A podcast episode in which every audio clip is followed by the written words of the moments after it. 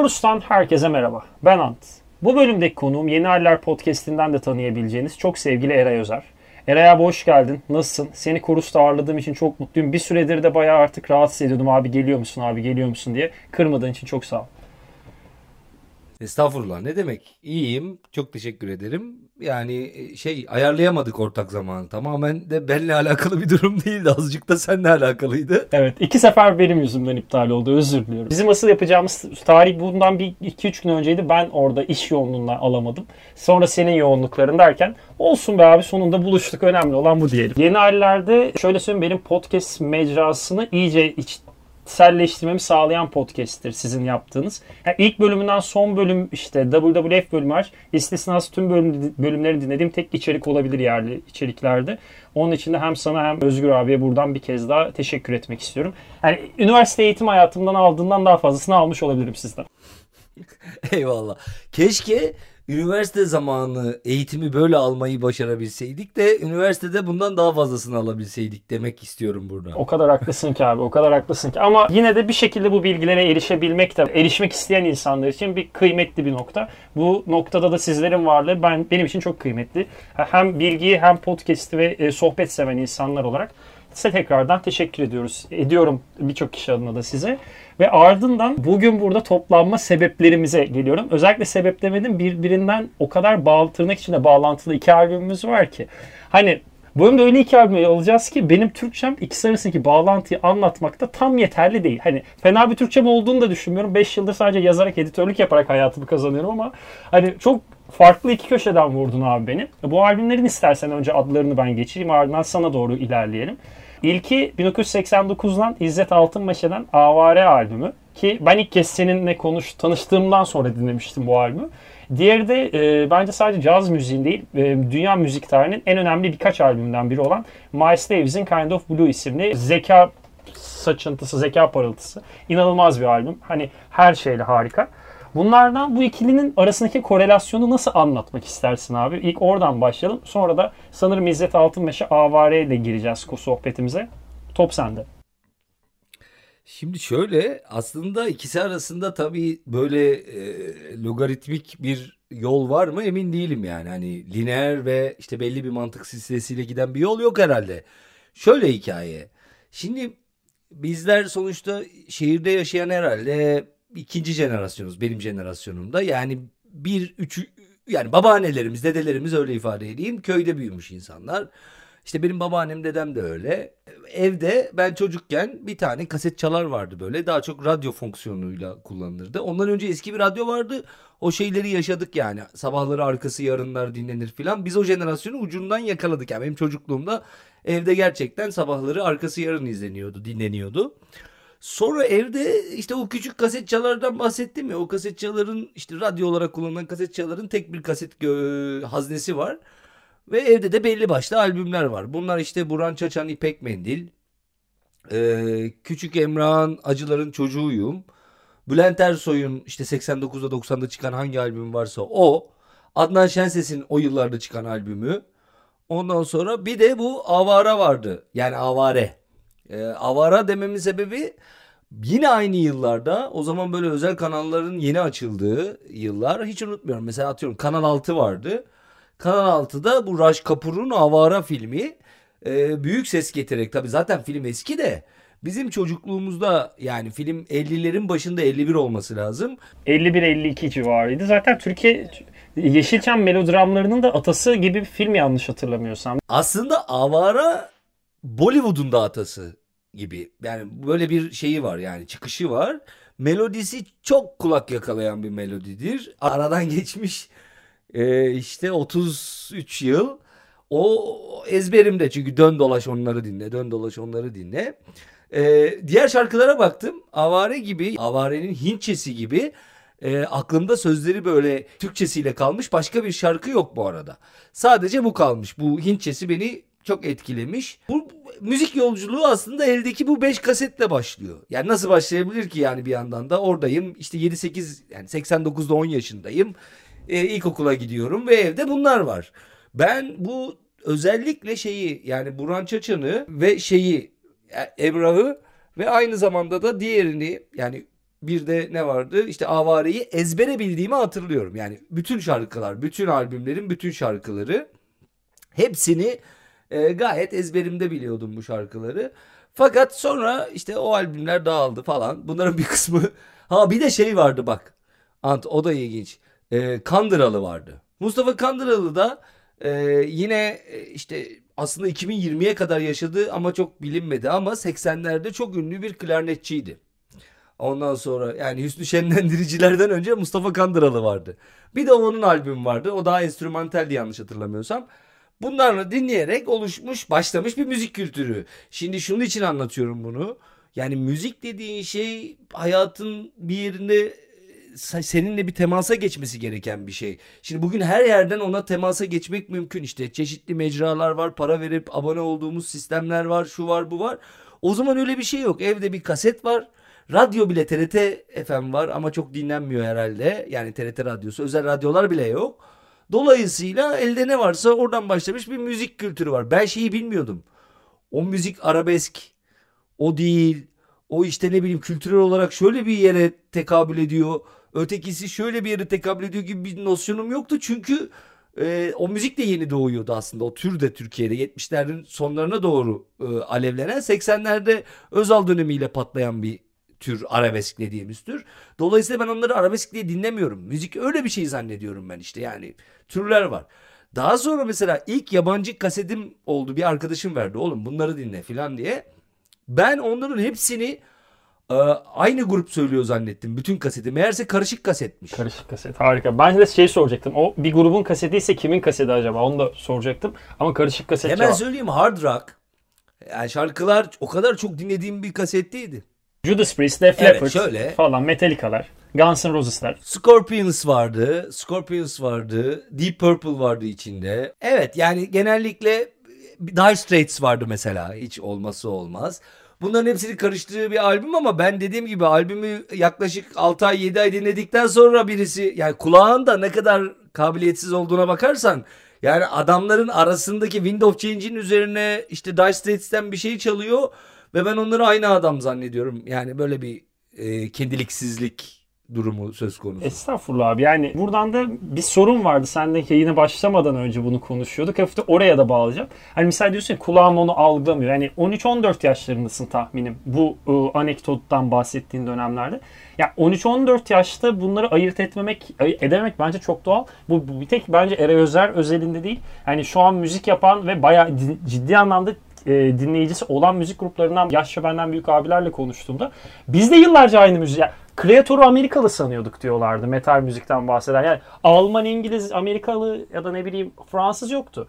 Bir iki tane Fransız az buçuk anlıyordu. Garip bir İngilizcesi vardı falan diye ama hani her ülke hepsini aynı grup, hepsini aynı ülkeli sanıyorduk. Bu bence çok normal ve 80'lerin ikinci yarısıyla 90'ların yani 85-95 arası Türkiye'deki müzik dinleyen kitlede ciddi anlamda bir ortak hafıza bence. Ha, bilmem katılır mısın ya da senin böyle anıların oldu mu ama ya benim se- senin gibi sohbet ettiğim kişilerde hep bu olayı duyduğumu söyleyebilirim. Doğru doğru yani şöyle şey yani sonrasında zaten çevreyle gelişen bir şey müzik kültürü.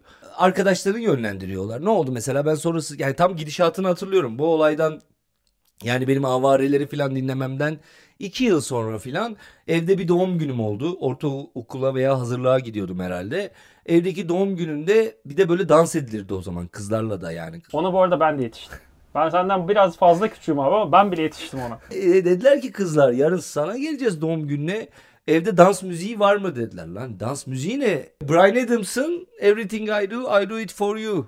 İşte o zaman filmi çekilmişti. O soundtrack'i aldım. Benim aldığım ilk yabancı kasette işte bu soundtrack'tir. Yani para verip aldığım ilk yabancı kaset Brian Adams'tı. Sonra Brian Adams'ı böyle Ukrayna'da mahalle pub'ında falan çalarken gördüm. Kariyer nereden nereye yani hani Hani e, o zaman Everything I Do, I Do It For You'dan geldiğimiz yer Ukrayna'da mahalle pub'ı. Çok ufak girebilir miyim abi oraya? Bir de bu bahsettiğim Brian Adams Türkiye'deki ilk stadyum konserini veren insan. Yani öyle bir yerden düşünce biraz daha komik oluyor bence. İşte bilmiyorum sen ne dersin? Allah düşürmesin. Brian'a da Allah bol kazanç nasip etsin diyerek devam edeyim. Ülker Arena'ya en son gelmişti. Bir 3-4 senesi var pandemi öncesi. Onun da 2 günlük yanlış bilmiyorsam. O kadar az bilet satıldı ki gün sayısı 1'e indirildi ve o da tam satılamadı. Öyle bir yere gitti adam adamcağız. Çünkü hayatımızda bir yerde değil şu anda yani bir dönem ama o albümle evet bir slow dance yapmıştık. Ee, ilk okul arkadaşlarımızla işte ortaokul biri arkadaşlarımızla.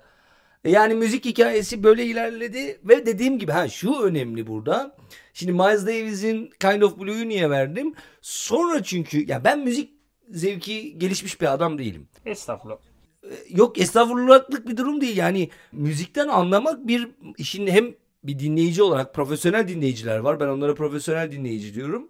Hem de gerçekten birebir de çocukluğunda bir enstrüman çalmış, devam etmiş, etmemiş vesaire böyle bir e, insan profili var. Ben ikisine de denk düşmüyorum. Yani bir kültürel olarak bizim öyle hani vardır ya mesela bir sanatçıyla röportaj yaparlar. Benim babam da işte evde sürekli şarkı söyler. Bizde öyle şarkı söylenmezdi. Öyle dinlenmezdi de.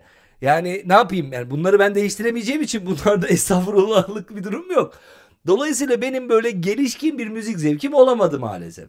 Ama hayat öyle ilerliyor ki tabii ki müziğe ihtiyaç duyuyorsun. Yani bir sanat türü olarak aynı zamanda hani böyle o klasik klişe bir laf vardır ya klasik e, müzik ruhun gıdasıdır diye. Gerçekten bazen insanın böyle müzik alası geliyor, geliyor bünyeye. Ve ben hayatı boyunca tam kelimenin tam anlamıyla sevdiği şeyi dinleyen ve mümkünse de o ergenlik zor geçiyor. Niye? Çünkü orada müzik üzerinden bir e, sınıf tanımlaması yapıyorsun aslında. Sen ne dinliyorsun? Mesela bir bir kızla tanışırsın, kızla flört ediyorsun, dur hemen sorarsın ne tür müzik dinlersin filan. Yani bu karşındakini tanımak, seninle aynı kültürel kodları paylaşıp paylaşmadığını anlamak için çok önemli. Hatta aklıma bir anekdot geldi. Ben üniversiteyi ilk kazandığımda bize orienteering yaptılar ODTÜ'de işte böyle şey gezdiriyorlar bölümleri filan. Bizim sınıfta olan ama tanışmadığım zaten kimse kimseyi tanımıyor. Merhaba merhaba diye tanıştırıyorlar böyle. Bir tane Onur diye bir arkadaşım vardı. Tişörtünden aynı müzik dinlediğimizi ve bu sınıfta da en çok anlaşacağı, anlaşabileceğimiz insan olacağını tahmin ettim. Bir tane Double Woodstock albüm vardı. O çıkar evde bir yerde atmamışımdır. O duble albüm işte yani böyle alışık da olmadığımız şeylerdi. İki kaset üst üste birleşik böyle. O yüzden duble dedim. Onur geldi yanıma oturdu. Tanışmıyoruz. Muhtemelen o da içinden şey diye geçirmiş. Sonra konuştuk. Ya bu çocuk düzgün bir tipe benziyor. Onunla arkadaş olayım demiş ve yanıma oturmuş. Ben elimde albümle oynarken e, o da albüme işte laf attı. Dedi ki işte aa ne güzel albümmüş filan falan. Yani biz müzik üzerinden tanıştık. Dolayısıyla böyle bir karşılığı var tabii. Kültürel kodlarda insanın birbirine benzerlerini bulmasını sağlayan bir şey müzik. Hmm, Ama sonra hayatta benim müzik üzerine birazcık düşünmek işte caza doğru yönlendirdi. Ben iyi bir caz dinleyicisi değilim. Ee, yine hiçbir şey yani müzikle ilgili hiçbir şeyde iyi olduğumu iddia edemem. Bu hepsi şey olur. Ee, abartılı ve kendini doğru ifade etmemek olur. Ama yani şöyle işte bu albümler üzerinden konuşmaya başladık devam edeceğiz ama toparlamak gerekirse hikayeyi iki sene önce Spotify bana en çok dinlenen dinlediğin bu sene boyunca albümler arasında Müslüm Gürses ve Coltrane'i aynı anda anonsladı. Herhalde Türkiye'de de bu profilde çok fazla insan yoktur diyor diye düşünüyorum. Müzikle enstrüman çalmada ilgilenen bir insan olsa inanılmaz bir birliktelik çıkardı bu iki birleşimden. Onda bir gözüm, yani kulağımda bir canlandı. Müslüm hani arabesk caz ya da arabesk de demeyelim de böyle daha e, damardan giden bir caz şeyi. Biraz daha kafayı vererek müzik dinlediğimde ya da daha e, yıllarla beraber müzik dinlemeye başladığımda de- bir caz müziğe doğru bir sıcaklık yaşamışsın abi. Daha bir sana e, yakın gelmiş. Ve burada Miles Davis'in e, zaten müzik tarihine geçen Kind of Blues'u en öne çıkan olarak anlıyorum. O halde benim sorum e, Chorus'ta artık en klasikleşmiş soru olacak. Miles Davis'in Kind of Blues'uyla tanışmanı biraz daha o hikayeyi anlatır mısın? Hani e, misal nerede, hangi, CD mi, kaset mi, plak mı ya da e, LimeWire'lar, Winamp'ler mi ya da nasıl bir yerden ya da bir okul arkadaşım ya da o dönem görüştüğün insanlardan, arkadaş çevrenden mi nasıl bir yerde ne oldu? Ve bugün burada konuşmamızı sağlayacak kadar sende yer et- etmesi de nasıl bir noktada iz düşüm bırakıyor öğrenmeyi çok isterim. Ee, ya benim aslında böyle müzikten anlamıyorum ama çok fazla müzikten anlayan insanlarla beraber büyüdüm. Ee, dolayısıyla müzik kültürüm aslında onlardan emerek yani bayağı beslenerek demiyorum emerek yani çünkü olmadığı için e, direkt bakıp görüyorsun. Olmadığı derken kastettiğim şey şu yani işte 16-17 yaşıma kadar yani hatta biraz daha geriye alalım 15-14'e kadar çok klasik işte herkesin dinlediği bunun içinde pop da var. İşte ne bileyim ben ama hani bizim daha çok dinlediklerimiz o zaman için işte Ezgi'nin günlüğü, işte Kumdan Kaleler. Belki bulutsuzluk. Bulutsuzluk var evet. Yani e, böyle o dönem klasik işte Yaşar Kurtlar vardı filan dinlediğimiz şeylerdi. Klasik gruplardı. Yani ben de o tür bir müzik zevkine sahiptim öyle söyleyeyim. Yani şeyde kalmadım. Hani Avara ve işte İpek Mendil'le kalmadım. Bir tık ilerledi ama hani ilerleme derken böyle bir progress birisinin diğerini geçmesi gibi bir ilerleme değil. Da çeşitlenmesi anlamında. Farklı bir rotaya doğru da e, kapı Evet. açıldı. Ve eğer böyle işte Türkiye'de yaşayan ve 14-13 yaşlarında o dönem olan gencin dinlediği bazı gruplar vardı. Biz de onları dinliyorduk. Sonra benim birkaç tane mesela mahallede çok sıkı metalci arkadaşlarım vardı ama böyle altı boş bir sıkılıktan bahsetmiyorum. Bayağı böyle binlerce albüm işte müzik gelişkin bir müzik kültürü onlar böyle işte death metal'in sınırlarında bir yerlerde speed trash falan gibi şeyler dinliyorlar. Bana ağır geldiği için de daha melodik olanları da bana öneriyorlar. Al sen de bunu dinle falan diye böyle. Çünkü ben öyle car car bağıran bir şeye kendimi adapte edemiyorum. Onlar ondan bir tür haz alıyorlar ama o haz bana geçmiyor. Bir Exodus Creator fazla kaçar orada. Evet evet işte Sepultura falan filan vardı o zamanlar. O, o sınırdı Sepultura oradan anla. Obituary, Sepultura falan sınır.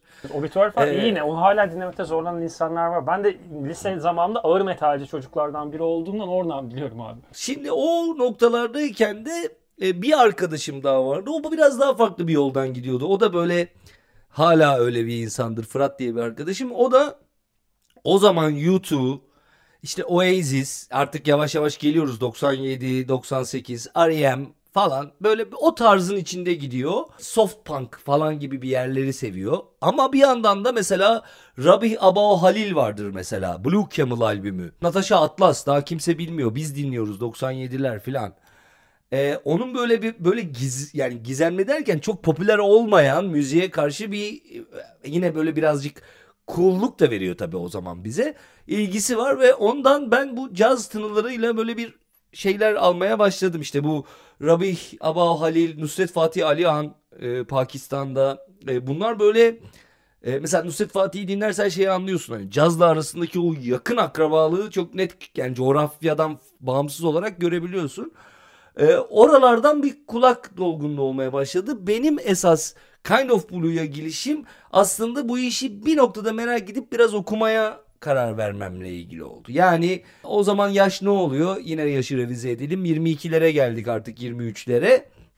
Ve orada birazcık Frankfurt, Frankfurt Okulu okuyorum. Frankfurt Okulu'nda Adorno okuyorum. Adorno'nun kültüre Walter Benjamin'le beraber saldırışını okuyorum. Ee, ve kültür endüstrisine ve oradaki bu işte yani kültür endüstrisindeki bu popüler olan her şeyin aslında kapitalizmin bir eklentisi olduğu vesaire bir tahakküm alanı olduğunu okuyup e, yine Adorno'nun tavsiye ettiği Schönberg üzerinden atonel müzik nedir diye okuyorum ama. Yani dediğim gibi dinlediğim zaman bunlar bana bir müzikal altyapım olmadığı için yani bunu çok net söyleyeyim bunları anlatıyorum ama bana öyle değmiyor yani. Ben hoşuma gidiyor ya da gitmiyor gibi çıkıyor sistemden. Ama e, adamlardan etkilendiğim için hani merak edip bir mesela bir arkadaşımdan Schönberg'in serisini getirttim dinlemek için. Bir şey anladım mı? Hayır. Klasik müzikte kalabildim mi? Onu da bir noktaya kadar beceremedim. Ama oradan işte Coltrane'ler ve Miles Davis. Önce Miles sonra Coltrane. O zaman Miles'ı biraz daha pioneer, öncü gibi görüyorduk ki zaten öyle karşılığı da öyle. E, Atonel'e doğru ilerlediğinde de Coltrane öne çıkmaya başlıyor bu sefer. E, o melodinin daha da bir kenara bırakıldığı ve tamamen improvize performanslar da görebiliyoruz. Ve işte dünya gözüyle Herbie Hancock, Wayne Shorter'ı da Türkiye'de izlemeyi başardım. O kuartetten, beşliden. Ve dolayısıyla yani o Kind of Blue bir de çok kolay hazmedilebilir bir caz albümü o. Yani e, Kind of Blue'yu seçmemin sebebi de şuydu zaten. O yani caza giriş 101. Hatta bu arada ODTÜ'de caz tarihi diye bir ders vardır. O dersi de aldım ki herkes sıraya girer almak için. E, AdDrop'ta bıraktım. Sebebi de sınıftaki herkes o kadar çok cazdan anlıyordu ki öğretmenin, hocanın e, düzgün bir şekilde başından itibaren anlatmasına engel oluyorlardı. Herkes araya giriyor. Evet konuyu böyle çok daha ekstrem hocam bunları biliyoruz bunlara geçelim ya diye böyle işledikleri için 3 hafta gittim dedim ki ben burada hiçbir şey anlamıyorum ya ben geliyorum ama ne konuşuyorlar hiçbir şey bilmiyorum. Ve sınavında bana şeyi sormuşlardı e, işte tanıdığınız e, cazcılar falan diye hani böyle bir sınav da yapıyorlar. Çünkü herkes o dersi almak istiyor mühendislikler falan. E, ODTÜ'de mühendislik fakültesi çok olduğu için.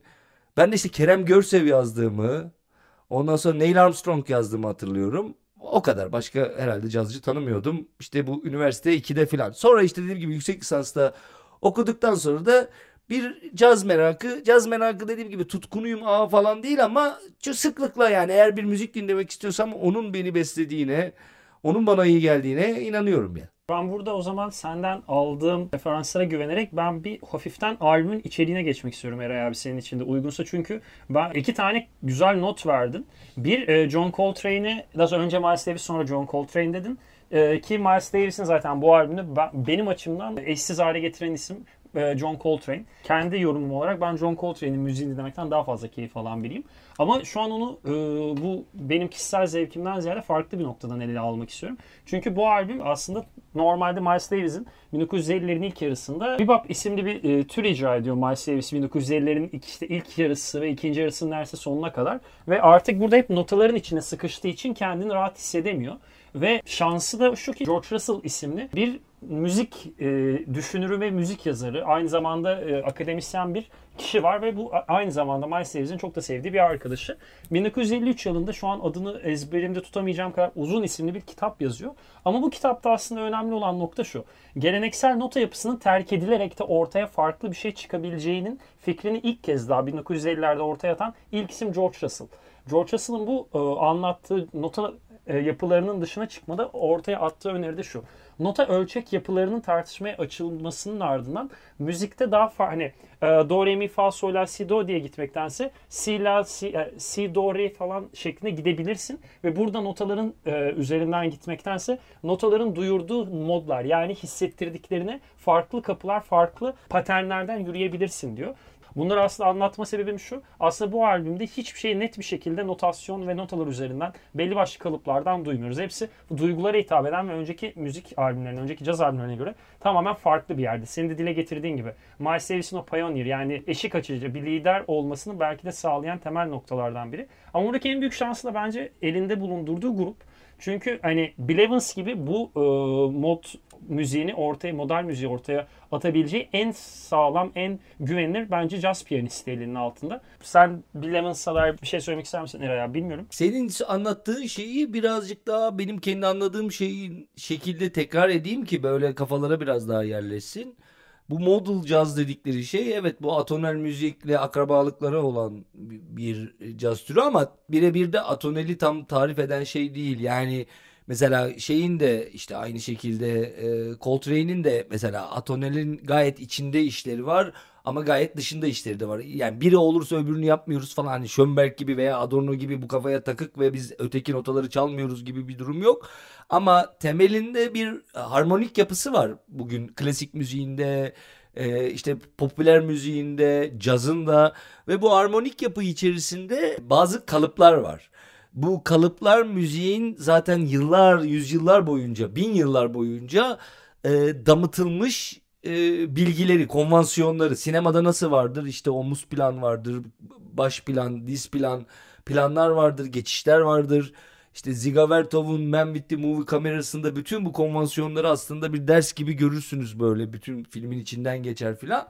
Burada da e, alışıla gelmiş klasik müzikte ve buna bağlı olarak cazda bir takım e, harmonik yapılar var. Şimdi bu adamlar ve kadınlar yani atonel müzikle hemhal olan müzisyenler şunu söylüyorlar. Diyorlar ki bu kalıpların dışında bir müzik mümkün mü? Yani belli başlı akorlardan sonra belli başlarının basılma, basılmayacak olması, işte diyezlerin belli kalıplarının işte arkasından bemollerin gelmesi veya gelmemesi teknik meseleler. Dolayısıyla yani e, sen dinlediğinde müzikten başka bir şey duymuyorsun tabii ki. Yani Coltrane'in atonel müziğe örnek gösterebileceğimiz içeriklerinde de dinleyince şöyle bir his olmuyor. Aa resmen kafasına göre notaya basıyor ve hiçbir harmonik yapı yok falan değil. Hayır bildiğimiz yapının bozulması, yapı bozumuna uğratılması aslında bu. Dolayısıyla e, yeni bir yapı ortaya konması ama o yeni yapı da kendi içinde bir takım şablonlara sahip olmak zorunda zaten. Miles Davis'in kendi sözünü e, burada dile getirmek istiyorum. Notal müzikten modal müzik denemesine, bu albümün çıkmasındaki temel yaklaşımı şu zaten. Önceki müziğe, önceden yaptığı müzikle olan dilemması. Ya akorlar elindeyken yapabileceklerin belli ve kendini aslında kısıtlıyorsun. Düzenli olarak aynı akorlar için farklı var ya hani Serdar Ortaç'ın 8 akor var hani ne yapabilirim mi gibi bir yerden söylemiyorum. Ama gerçi hani yapabileceklerin belli ve sürekli farklı varyasyon, farklı nota nota dizilimleri, akor dizilimleri yapmaktansa ben kendi ön, önüme setleri kaldırıp müziği daha sonsuz bir evrenden niye yaratmayayım gibi bir yaklaşım var. Bu zaten bence işin en önemli kısmı ama bunu elindeki müzisyenlerin değerini dile getirmek isteme sebebim şuydu. Onlara stüdyoya girerken nasıl bir şey yapacaklarını söylemiyor. Sadece ellerinde bir belli başlı ritim ve akış var. Modlar var işte senin söylediğin gibi. Modlar da yok. Modları da tam olarak vermiyor. Yani akış var sadece. Şunu şöyle yaparsın. Kafamda bu var diyor. Ve ondan sonra tamamen improvizasyona gidiyor. İşin daha da saçma noktası. Mesela benim abimdeki en sevdiğim şarkılardan Flamenco Sketches ilk denemede daha çıkıyor ortaya. Hani kafasın o kadar üst düzey müzisyenler ki ve nerede ne nasıl yapabileceklerini o kadar iyi biliyorlar ki aylarca ortaya çıkabilecek sonuç tek seferde yapılabiliyor. Ya da iki seferde ortaya çıkıyor. Yine burada araya gireyim. Flamengo Sketches dediğin için e, araya girmek istedim. Miles Davis'i o kuşaktaki diğer e, bir sürü cazcıdan ayıran bir başka özellik de e, dünyanın farklı tınılarına kulağını çok fazla açıyor olması ve özellikle baş Avrupa kıtasının e, müzik kültürüyle çok büyük bir hayranlık besliyor olması. Zaten işte biliyordur dinleyiciler de işte bir Paris'e geliyor ve burada bir yaşama e, mücadelesi var. Ne yazık ki o dönem hepsini eroin denen illet.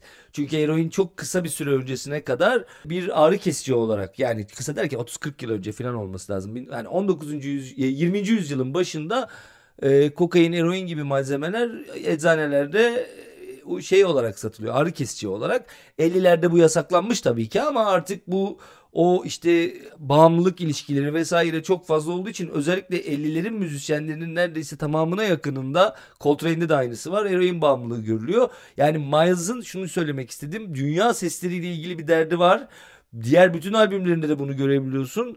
Özellikle bu işte İspanyol esintileri, Ondan sonra Flamenco. Witches Brew da bence bunun en net e, yansımalarından biri. 70'teki albümü. Hem inanılmaz derecede progresif yapıları var. Çok derinlikli ve zor hani hem zor çalınan hem zor dinlenen ama için, içine girini aynı anda bir sürü farklı coğrafyadan bir sürü farklı müzikal etkileşimden yaklaşım, müzikal yaklaşımdan etkilendiğini duyabildiğimiz işler. Aslında belki Kind of Blue biraz flamenco sketchi özelinde bunun atası gibi bir anda Miles Davis'in kariyerinde. Yani dolayısıyla bu insanlar e, dünya müziklerine çok açıklar. Nusret Fatih Alihan falan dedim işte Fırat bunları bana e, zamanında dinletmişti. Zaten oralardan hani köklerini alıyorlar. Yani hepsi birbiriyle çok akraba. Mesela Giora Feidman vardır.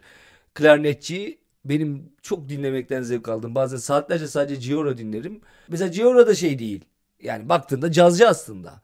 Yani bir sürü orkestralarla çalıyor. Kendisi solo performanslar yapıyor falan filan. Yani şunu söylemeye çalışıyorum. Aslında gerçekten de e, hep söylediğim gibi Müslüm'le e, Coltrane aslında bir yerden akrabalar. Bu sadece Müslüm'ün hani bu klasik basit müzik yapılarını övmek anlamında değil. Zaten şunu söylemeye çalışıyorum. Arabeskin, arabeske dönecek olursak bu çok e, Arap tınılı tonları Müslümleri çok tanımlamaz. Yani Orhan Gencebay'da falan çok sesli böyle Arap ezgileri bulursun ama Müslümlerin arabeski bu bahsettiğimiz arabeskin içine de girmez yani. Hani çünkü öyle o kadar arabik böyle yalelli diye tarif edilen o müzik değildir o. İçinde arabik öğeler vardır ama böyle tamamen öyle akan çünkü sıkılırım ben hani onun için söylüyorum. Birisini kötülemek birisini güzellemek adına söylemiyorum. Mesela tamamen Arap altyapıları, Orhan Gencebay'ın öyle şarkıları var mesela bir süre sonra bayıyor. Tabii ki klasikleri ayrı ama demek istediğim şey şu. Yani o cazcıyla o arabeskçi muhtemelen aynı kültürel kodlarla büyüdüler. Enstrümanları farklıydı. Kulaktaki o müzik e, tınısı farklıydı. Hani bu çok klasik söylenir. Herkes söylenir. Arabeskin sonradan moda olması vesaire böyle bir hip kültür filan. Ama caz da şöyle bir postmodern dünyanın dönemin gelişini müjdeleyen bir içerik olarak 50'lerle beraber aslında hakikaten müziğin o kalıpların dışına çıkmasıdır. Sadece tek başına caz bile illa atonele matonele gitmeye gerek yok.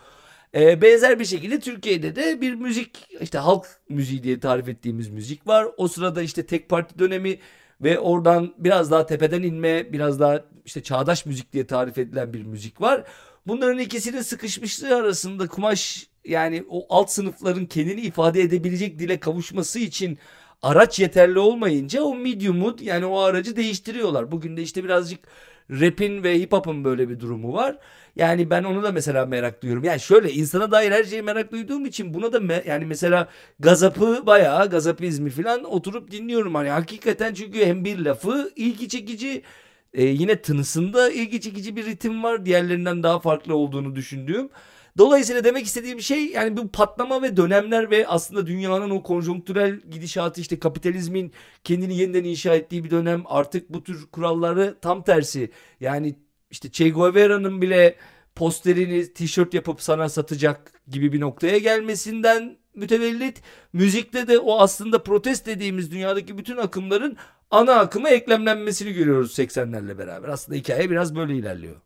Harika. Bu arada söylediğin şeylerden bir de şunu söyleyebiliriz abi. Müzik bence, yani bu tamamen kendi görüşüm. Bilmem sen katılırsa dinleyici katılır ama zaten müzik dinlemeyi sevmek. Müziği sevmek zaten insan hikayesine olan aşkı, insan hikayesine olan açlığın bir göstergesi. Benim insan hikayelerine olan açlığımı en net giderdiğim yer müzik dinlemek. Yani kitap okumaktan aldığımdan daha fazla insan hikayesini ben bir müziği, bir şarkıyı dinlerken onun ve bunun için söze ihtiyacım yok. Bu albüm de zaten bunun en e, kıymetli örneklerinden biri. Bu arada abi o zaman sana seveceğini tahmin ettiğim bir albüm önermek istiyorum. 2022'de çıktı bu sene. Zaten yaş, yaş olarak da daha 20'lerinin sonu ya da 30'ların başında bence harika bir caz piyanisti. Ermenistanlı Tigras Hamasya'nın standart art orada A'sı büyük şekilde yazılıyor. Harika bir albüm. Az önce bahsettiğim noktalardan seveceğini de düşünüyorum. Çok arabesk ya da Arap e, ezgileri yok ama benzer bir coğrafya. Yani e, bu coğrafyanın Mezopotamya'dan da Anadolu temelli bir e, tınılarının fazlasıyla duyulabiliyor. Onu bence seversin. Hemen zaten şey yaptım. Ant. Şu anda takibi aldım yani. Harika. Dinleyicilerimize de bahaneyle önermiş olayım. Benim bu sene e, herhangi bir yerde yazmam fırsatım olmadı bu albümü ama e, benim için yılın en iyi işlerinden biri. Buradan bahaneyle önermiş olayım. Ardından benim de son bir sorum var Eray abi sana. Ardından da e, seni de daha fazla bu sıcakta yakmadan. yani ben ikinci tişörtü değiştireceğim. Yani şu an sırılsıklam derecede sıcak ve ter var. O halde ben sorumu soruyorum izninle. Kaydın ortalarında zaten dile getirmiştik. Kayıda senle biz başlamadan bir konudan ufak bahsettik ama bunu bir de dinleyicilerimizle konuşalım istiyorum. Herkes resim, heykel ya da aklınıza gelecek başka sanat dalları hakkında bilmiyorum, ilgilenmiyorum diyor. Ancak müzikte pek de böyle bir durum yok. Yani hem sen bunu varyasyonlarını yaşamışsın hem de ben bunun benzerlerini duydum çevremde müzikle ilgilenmek ya da müziği bilmek gibi bir zorunluluk var mı? Ya da hani müziği sadece dinlemek istediğimizi dile getirmek bu kadar zor mu ya? Hani Spotify'da gizli oturum diye bir şeyin varlığı bile aslında burada bir problem değil mi? Ya da bunu nasıl bir yerden alırız? Bilmiyorum. Şimdi şöyle buna hem tepki göstermek hem de anlamak gerekiyor. Yani iki taraflı. Hayatta her şey ne yazık ki böyle. Yani hem empati kurmamız gerekiyor hem de aynı zamanda da karşısında durmamız gerekiyor bazı şeylerin. Şimdi evet yani müzik bir tahakküm alanı. Yani 80'ler 90'lar daha da sertti. Bilmiyorum bugün artık hala öyle mi ama 80'lerde 90'larda pop dinlediğini söyleyemezsin bazı arkadaş gruplarında. Yani madara olursun. İlla ya rock dinleyeceksin. Caz falan o zaman yok tabii öyle caz dinliyorum falan. Ama benim gibi ben düşünsene mesela gidiyorsun ne dinliyorsun diyorlar. Acıların çocuğuyum dinliyorum diyorum ama aslında öyle bir ortamda da büyümüyorum bir yandan. Bir ufak araya gireceğim ama mesela Pentagram'ın bir albümü vardır bilir misin? Konser kaydı. Popçular Dışarı diye. Bereket Tanrısı vardır kapağında. Yani çok aslında şu an inanılmaz derecede saçma bir yaklaşım bunu ama 90'ların sonunda 98-99'da çok normal yaklaşılan bir şey. Hele 80'ler tahmin dahi edemiyorum. Devam et lütfen. Evet dönemin ruhu tabii yani o. Ama bu tam tersi mesela gidip de atıyorum başka bir mahallede yani ben şeyde büyüdüm. Güngören'e yakın semtlerde büyüdüm. Mesela Bağcılar'da falan da insanlara gidip de tam tersi işte pentagram mesela e, propagandası yaparsanız o da orada ters tepebilir. Dolayısıyla hani kültür spesifik şeyler bunlar. Ama önemli olan şey şu. Yani o müzik alanını tarif eden şeyin tam da o sana senin söylediğin şey yani bir şeyi bilmemenin suç olabileceği ya da ayıp olabileceği suç çok abartılı ama ayıp olabileceği dönemlerden geçtik. Şimdi tabii yine gençler arasında bu kodlar vardır. Kültür böyle bir şey. Çünkü yani aslında şeyin farkında değiliz. Bize bir sepet içerisinde bu ıı, tüketmemiz için sunulan meyveler artistlerden yani sanatçılardan bağımsız olarak söylüyorum. Bunun paketlenmesi, sunuş şekli vesairesi bunlar içerikler aslında. Sanatsal içerikler ve dolayısıyla belli bir ıı, kampa, belli bir mahalleye ait olmayı da imleyen şeyler. Yani şöyle ben ekspresyonizm çok beğeniyorum resimde. O yüzden de vallahi dadaistlerle hiç selamlaşmam dediğimiz şey belki Paris'in banyolarında bir dönem 60'ların bohemyasında yaşanmış olabilir ama buralara uğramadı. Yani açıkçası bize de onun tortusunun tortusu diyebileceğimiz müzikteki bu varyasyonlar, bu tür e, kamplaşmalar uğradı. Mesela en benim küçüklüğümde hatırladığım asitçilerle metalciler ayrımı vardı. Ee, ama mesela biz asitçilerle metalciler diye bir ayrım olduğunu biliyorum. İşte asitlerin o smiley'si vardı. Gülen surat o zaman vardı. Onun tişörtlerini falan giyerlerdi. Bugün sonra asitle daha hala bilmiyorum ama. Yani hani asit müziğini sana tarif edemem. Herhalde o zaman popüler olan bir müzikti o. Yani asitin örneklerini biliyorum da. Mesela cazı anlat desen yine Evet dilim döndüğünce caz anlatırım ama asit anlatamam. Yani karşı olduğumuz şeyi bile bilmiyorduk. Neye karşıyız onu da bilmiyoruz yani. Hani hangi sebeple ona karşıyız onu da bilmiyoruz. Demek istediğim şey şu. Benim müzik yolculuğum yani dinleyici olarak yolculuğum ilginç seyre, seyretti. Ben o ilginçlikten de birazcık tabii bir süre sonra hani garip bir insana dönüştüğün için e, başka bir zevk alıyorsun. Ama sanmayın ki böyle hani işte ya Coltrane hocam falan öyle bir şey değil ya. Tam tersi. Yani benim bir sürü ortamdaki pozisyonum 16, 17, 20 yaşlarımda falan işte böyle konuşulandan zerre anlamadan mesela bir de şöyle olur bazen. Müzikten çok anlayan arkadaşların iki saat bunu konuşurlar ama başka mesela onların anlamadığı herhangi bir sanat dalından sen konuşsan mesela iki saat resim konuşsan muhtemelen kendilerini keserler. Ama senin yanında konuşurlar ve sen de böyle kukumav kuşu gibi hiç anlamadan bir ona bakarsın bir ona o albümleri de bilmiyorum o insanları da tanımıyorum diye. Müzik benim böyle e, hayatımda şu anda işte dediğim gibi alttan alta böyle hep devam ettiğim bir yanımda böyle bazı müzik geceleri yaparız hala. Kız arkadaşımla bütün gece müzik dinleriz. En acayip ne varsa onu bulmaya çalışırız filan falan. Ama onun dışında ben müzik dolu bir yaşam yaşamadım. Dolayısıyla böyle yaşamayanlara da şunu söylemek istiyorum. Orkoluk olacak yine sonunda ama rahat olsunlar ya. Öyle hani o yaşlarda olup da ya da başka bir yaş grubunda bir müzik kampında kendini dahil edemiyor, hissedemiyor diye kendini kötü hissetmesinler. Dediğim gibi o insanlar da heykelle ilgili bu kadar fikir yürütemiyorlar. Yani sanatın bir dalı olarak çok hayatımızın içinde olması gibi bir durum var. Dolayısıyla da insanın çok yakın yani nitelikli bir şekilde iyi bir içeriği tüketebileceği bir alan. Yani isterseniz tırnak içerisinde müzikal olarak en güçlü e, harmonileri tıpkı e, diğer albümler, harmoniler gibi kolaylıkla tüketebiliyorsunuz. Resimde aynısı yok mesela. Ne bileyim ben işte gideceksin Metropolitan Müzesi'ne ki işte o bir takım başyapıtları ya da heykelde neyse göreceksin yakından. O şansı yakalayamadıysan e, evet kitaplardan bakacaksın. Müzik öyle değil. Birebir o notaları yani o insan yazmış o notalar ve biz tüketiyoruz gibi bir gücü var. Ama bütün bunlarla çok basit amatör seviyede ilgilenen herkesin de gönlünü ferah tutmasını e, isterim. Ben öyle yani dediğim gibi aileden böyle e, daha böyle halk müziği, arabeske yakın müzikler dinleyerek onları bulmuş, başkasını bulmamış bir insan olarak daha sonra zaman zaman onları da hoşuma gittikçe dinlemeye, türkü keza çok seviyorum filan. Ama zaman zaman da dediğim gibi caz gibi, klasik müzik gibi başka türlere doğru geçiş yapabiliyorum. Bir müzik insanı değilim böyle de hayat sürdürülebiliyor. Çok zor olmuyor yani. Ama müziği seven bir e, insansın. Seviyorum. Müzikten sevmemek nedir ki zaten yani? Hani Aynen öyle. Müziği sevmiyorumun bir yani sen kendi aradığın müziği bulamamışsındır ama kafandaki tınıya kavuşamamışsındır ama müziği sevmemek nedir zaten? Kesinlikle. Ya bu arada sen şeyden bahsederken bu müzik ve farklı sanat dallarının hani birbirine göre benim şöyle bir tabim var. Daha kolay ulaşılabilir ve e, eğer üstüne kafa yormak istiyorsan daha direkt kafa yormaya daha direkt sonuç alabileceğim müzik türü. Yani mesela şöyle bir örnek vereceğim. Mesela şu an bizim kayda aldığımız tarihe göre 2-3 gün önce e, Park Orman'da devasa benim hayatımdaki en iyi konser olan Nick Cave'i izledik. Ya düşünsene abi bir tane müzi- bir tane ressamın bir sahne kuruyorsun. 20 bin kişi onun nasıl resim yaptığını izliyor. Ve buna coşuyorlar. Bunu video kaydını alıyorlar falan. Yani ne kadar abes ve ne kadar böyle bu yani bu, bu kadar değil gibi. Aslında müziğin ve diğer sanat dallarının arasındaki ne kadar direkt temas edebildiği veya aslında burada bence duyguları en hızlı, yani çok hızlı bir şekilde duygulara dokunabiliyor müzik. Bilimsel ve teknik tarafı haricinde de. Evet yani aslında şöyle revize edebiliriz. Bir dile en yakın medium olduğu için yani kendisi bir dil kabiliyetinde olduğu için yani resimin de bir dili vardır ama anlaşılması daha zor bir dildir o. E, heykelin de bir dili vardır ama anlaşılması daha zor bir dildir. Müziğin bizim kullandığımız dile yani bütün insanlığın kullandığı dil denilen şeye o kadar yakın bir yapısı var ki harmonik yapısı vesairesiyle sözleriyle yani sözsüz de olsa aynı şekilde temposuyla vesairesiyle dolayısıyla dile en yakın ama dil olmadan ifade edilen bir şeylerin ifade edilmesi bir takım duyguların düşüncelerin ifade edilmesi açısından çok da bir geçişken geçirgen böyle herkese ulaşabilir bir e, yapısı var ve bu da tabii ki bütün sanat dalları arasında müziği ayrıcalıklı bir yere konumlandırıyor. Buna hiç söylenecek bir şey yok.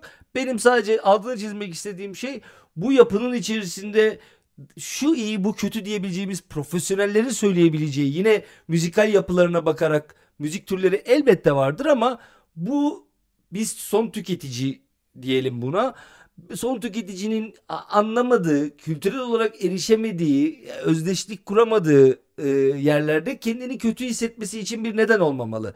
Yani müzik dinledikçe zaten müzik zevkiniz bir noktaya doğru gider ve kendine dair işte kendinize has bir yerde durur o.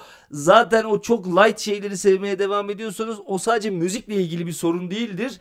O başka hayatınızda belki o o sanat dalıyla yeteri kadar aşırı neşir olacak bir kafa dinginliğine koş, uygun koşullara sahip değilsinizdir de böyle olmuştur. Hepsinin bir nedeni vardır yani. Kesinlikle yani harika bir orkoluktu. Yani bir şey diyemedim. Bu orkolukla galiba kapatacağım bölümü. Ben sadece orkoluk değil hani orkoluğu haddim değil ama sadece şunu söylemek istiyorum. İnsanlar bu bu arada bir, tek müzikte değil mi hani e, Twitter'a veya herhangi bir sosyal medya mecrasına girdiğinde sen de belki denk düşüyordur Eray abi önüne. Ya şu kitabı şu filmi okuma, izlemedim mi okuma şu müziği Abi bırakalım. Ya benim naçizane kendi görüşüm. Herkes kendisine hitap eden şeye zaten kendi parmak izi, kendi ayak iziyle ulaşır. Bırakalım ayak izlerimizle ulaşabildiğimiz yere gidelim. Hani bence benim de naçizane orkoluk deneyimim bu, bununla sınırlı kalsın. Daha fazlasını yapamam zaten. Başlangıç ve bitiş olacak. Son bir araya giriyorum. Lütfen. Ee, çok doğru söyledi çünkü bir cümle gireceğim. E, yani mesela kitap yazılır ve çocuk yani gençliğimizde biz bazı kitapları da beğenmezdik. Hala beğenmediğim kitaplar var mesela. Çok örnek sen söyledin diye de yeri geldi diye söyleyeyim. Bir insanın atıyorum 300 sayfa adını soyadını yazması bile otur 300 sayfa adını soyadını yaz desek adama bir insana o kadar zor ki. Dolayısıyla yani sen yaz da ne yazabiliyorsan yaz. Oku da ne okuyabiliyorsan oku. Dinle de ne dinleyebiliyorsan dinle. O süreç, zaman, hayat hayatın akışı seni zaten bir yerlere ya götürür ya götürmez. Götürmezse de bunda utanılacak, sıkılacak bir şey yok yani. Benim durumum ortada işte dinleyicilik, amatör dinleyicilik seviyesine ileri gidemedim. Müzik böyle hitap ediyor bana. Bununla da mutluyum yani. Çok güzel bir cümle kurdun abi. Ben de bununla mutluyum dedin. Hani mutlu olabiliyorsak e, The Page Mode'un şarkısındaki gibi herkes kendi ayakkabısından yürüsün. Başkasının ayakkabısını e, eleştirmesin ya da başkasının üstüne ayakkabı fırlatmasın gibi bir yerden yaklaşıyorum ben de. İyi ki geldin. Çok çok teşekkür ederim. Çok büyük bir mutluluktu benim için. Hani podcast'te zaten bölüm başında dediğim gibi bu mecraya alışmam, düzenli dinleyicisi olduğum ilk programın e, iki yaratıcısından biriyle sohbet edebilme şansı benim için çok önemliydi. Çok güzeldi. Teşekkür ederim Eray Özer. Ben teşekkür ederim. Ant görüşmek üzere. İyi ki çağırdın. Sizlere de Korus'u dinlediğiniz için çok teşekkür ederiz. Korus yeni bölümlerde yeni albümler ve konuklarla devam edecek. Kendinize iyi bakın. Hoşçakalın.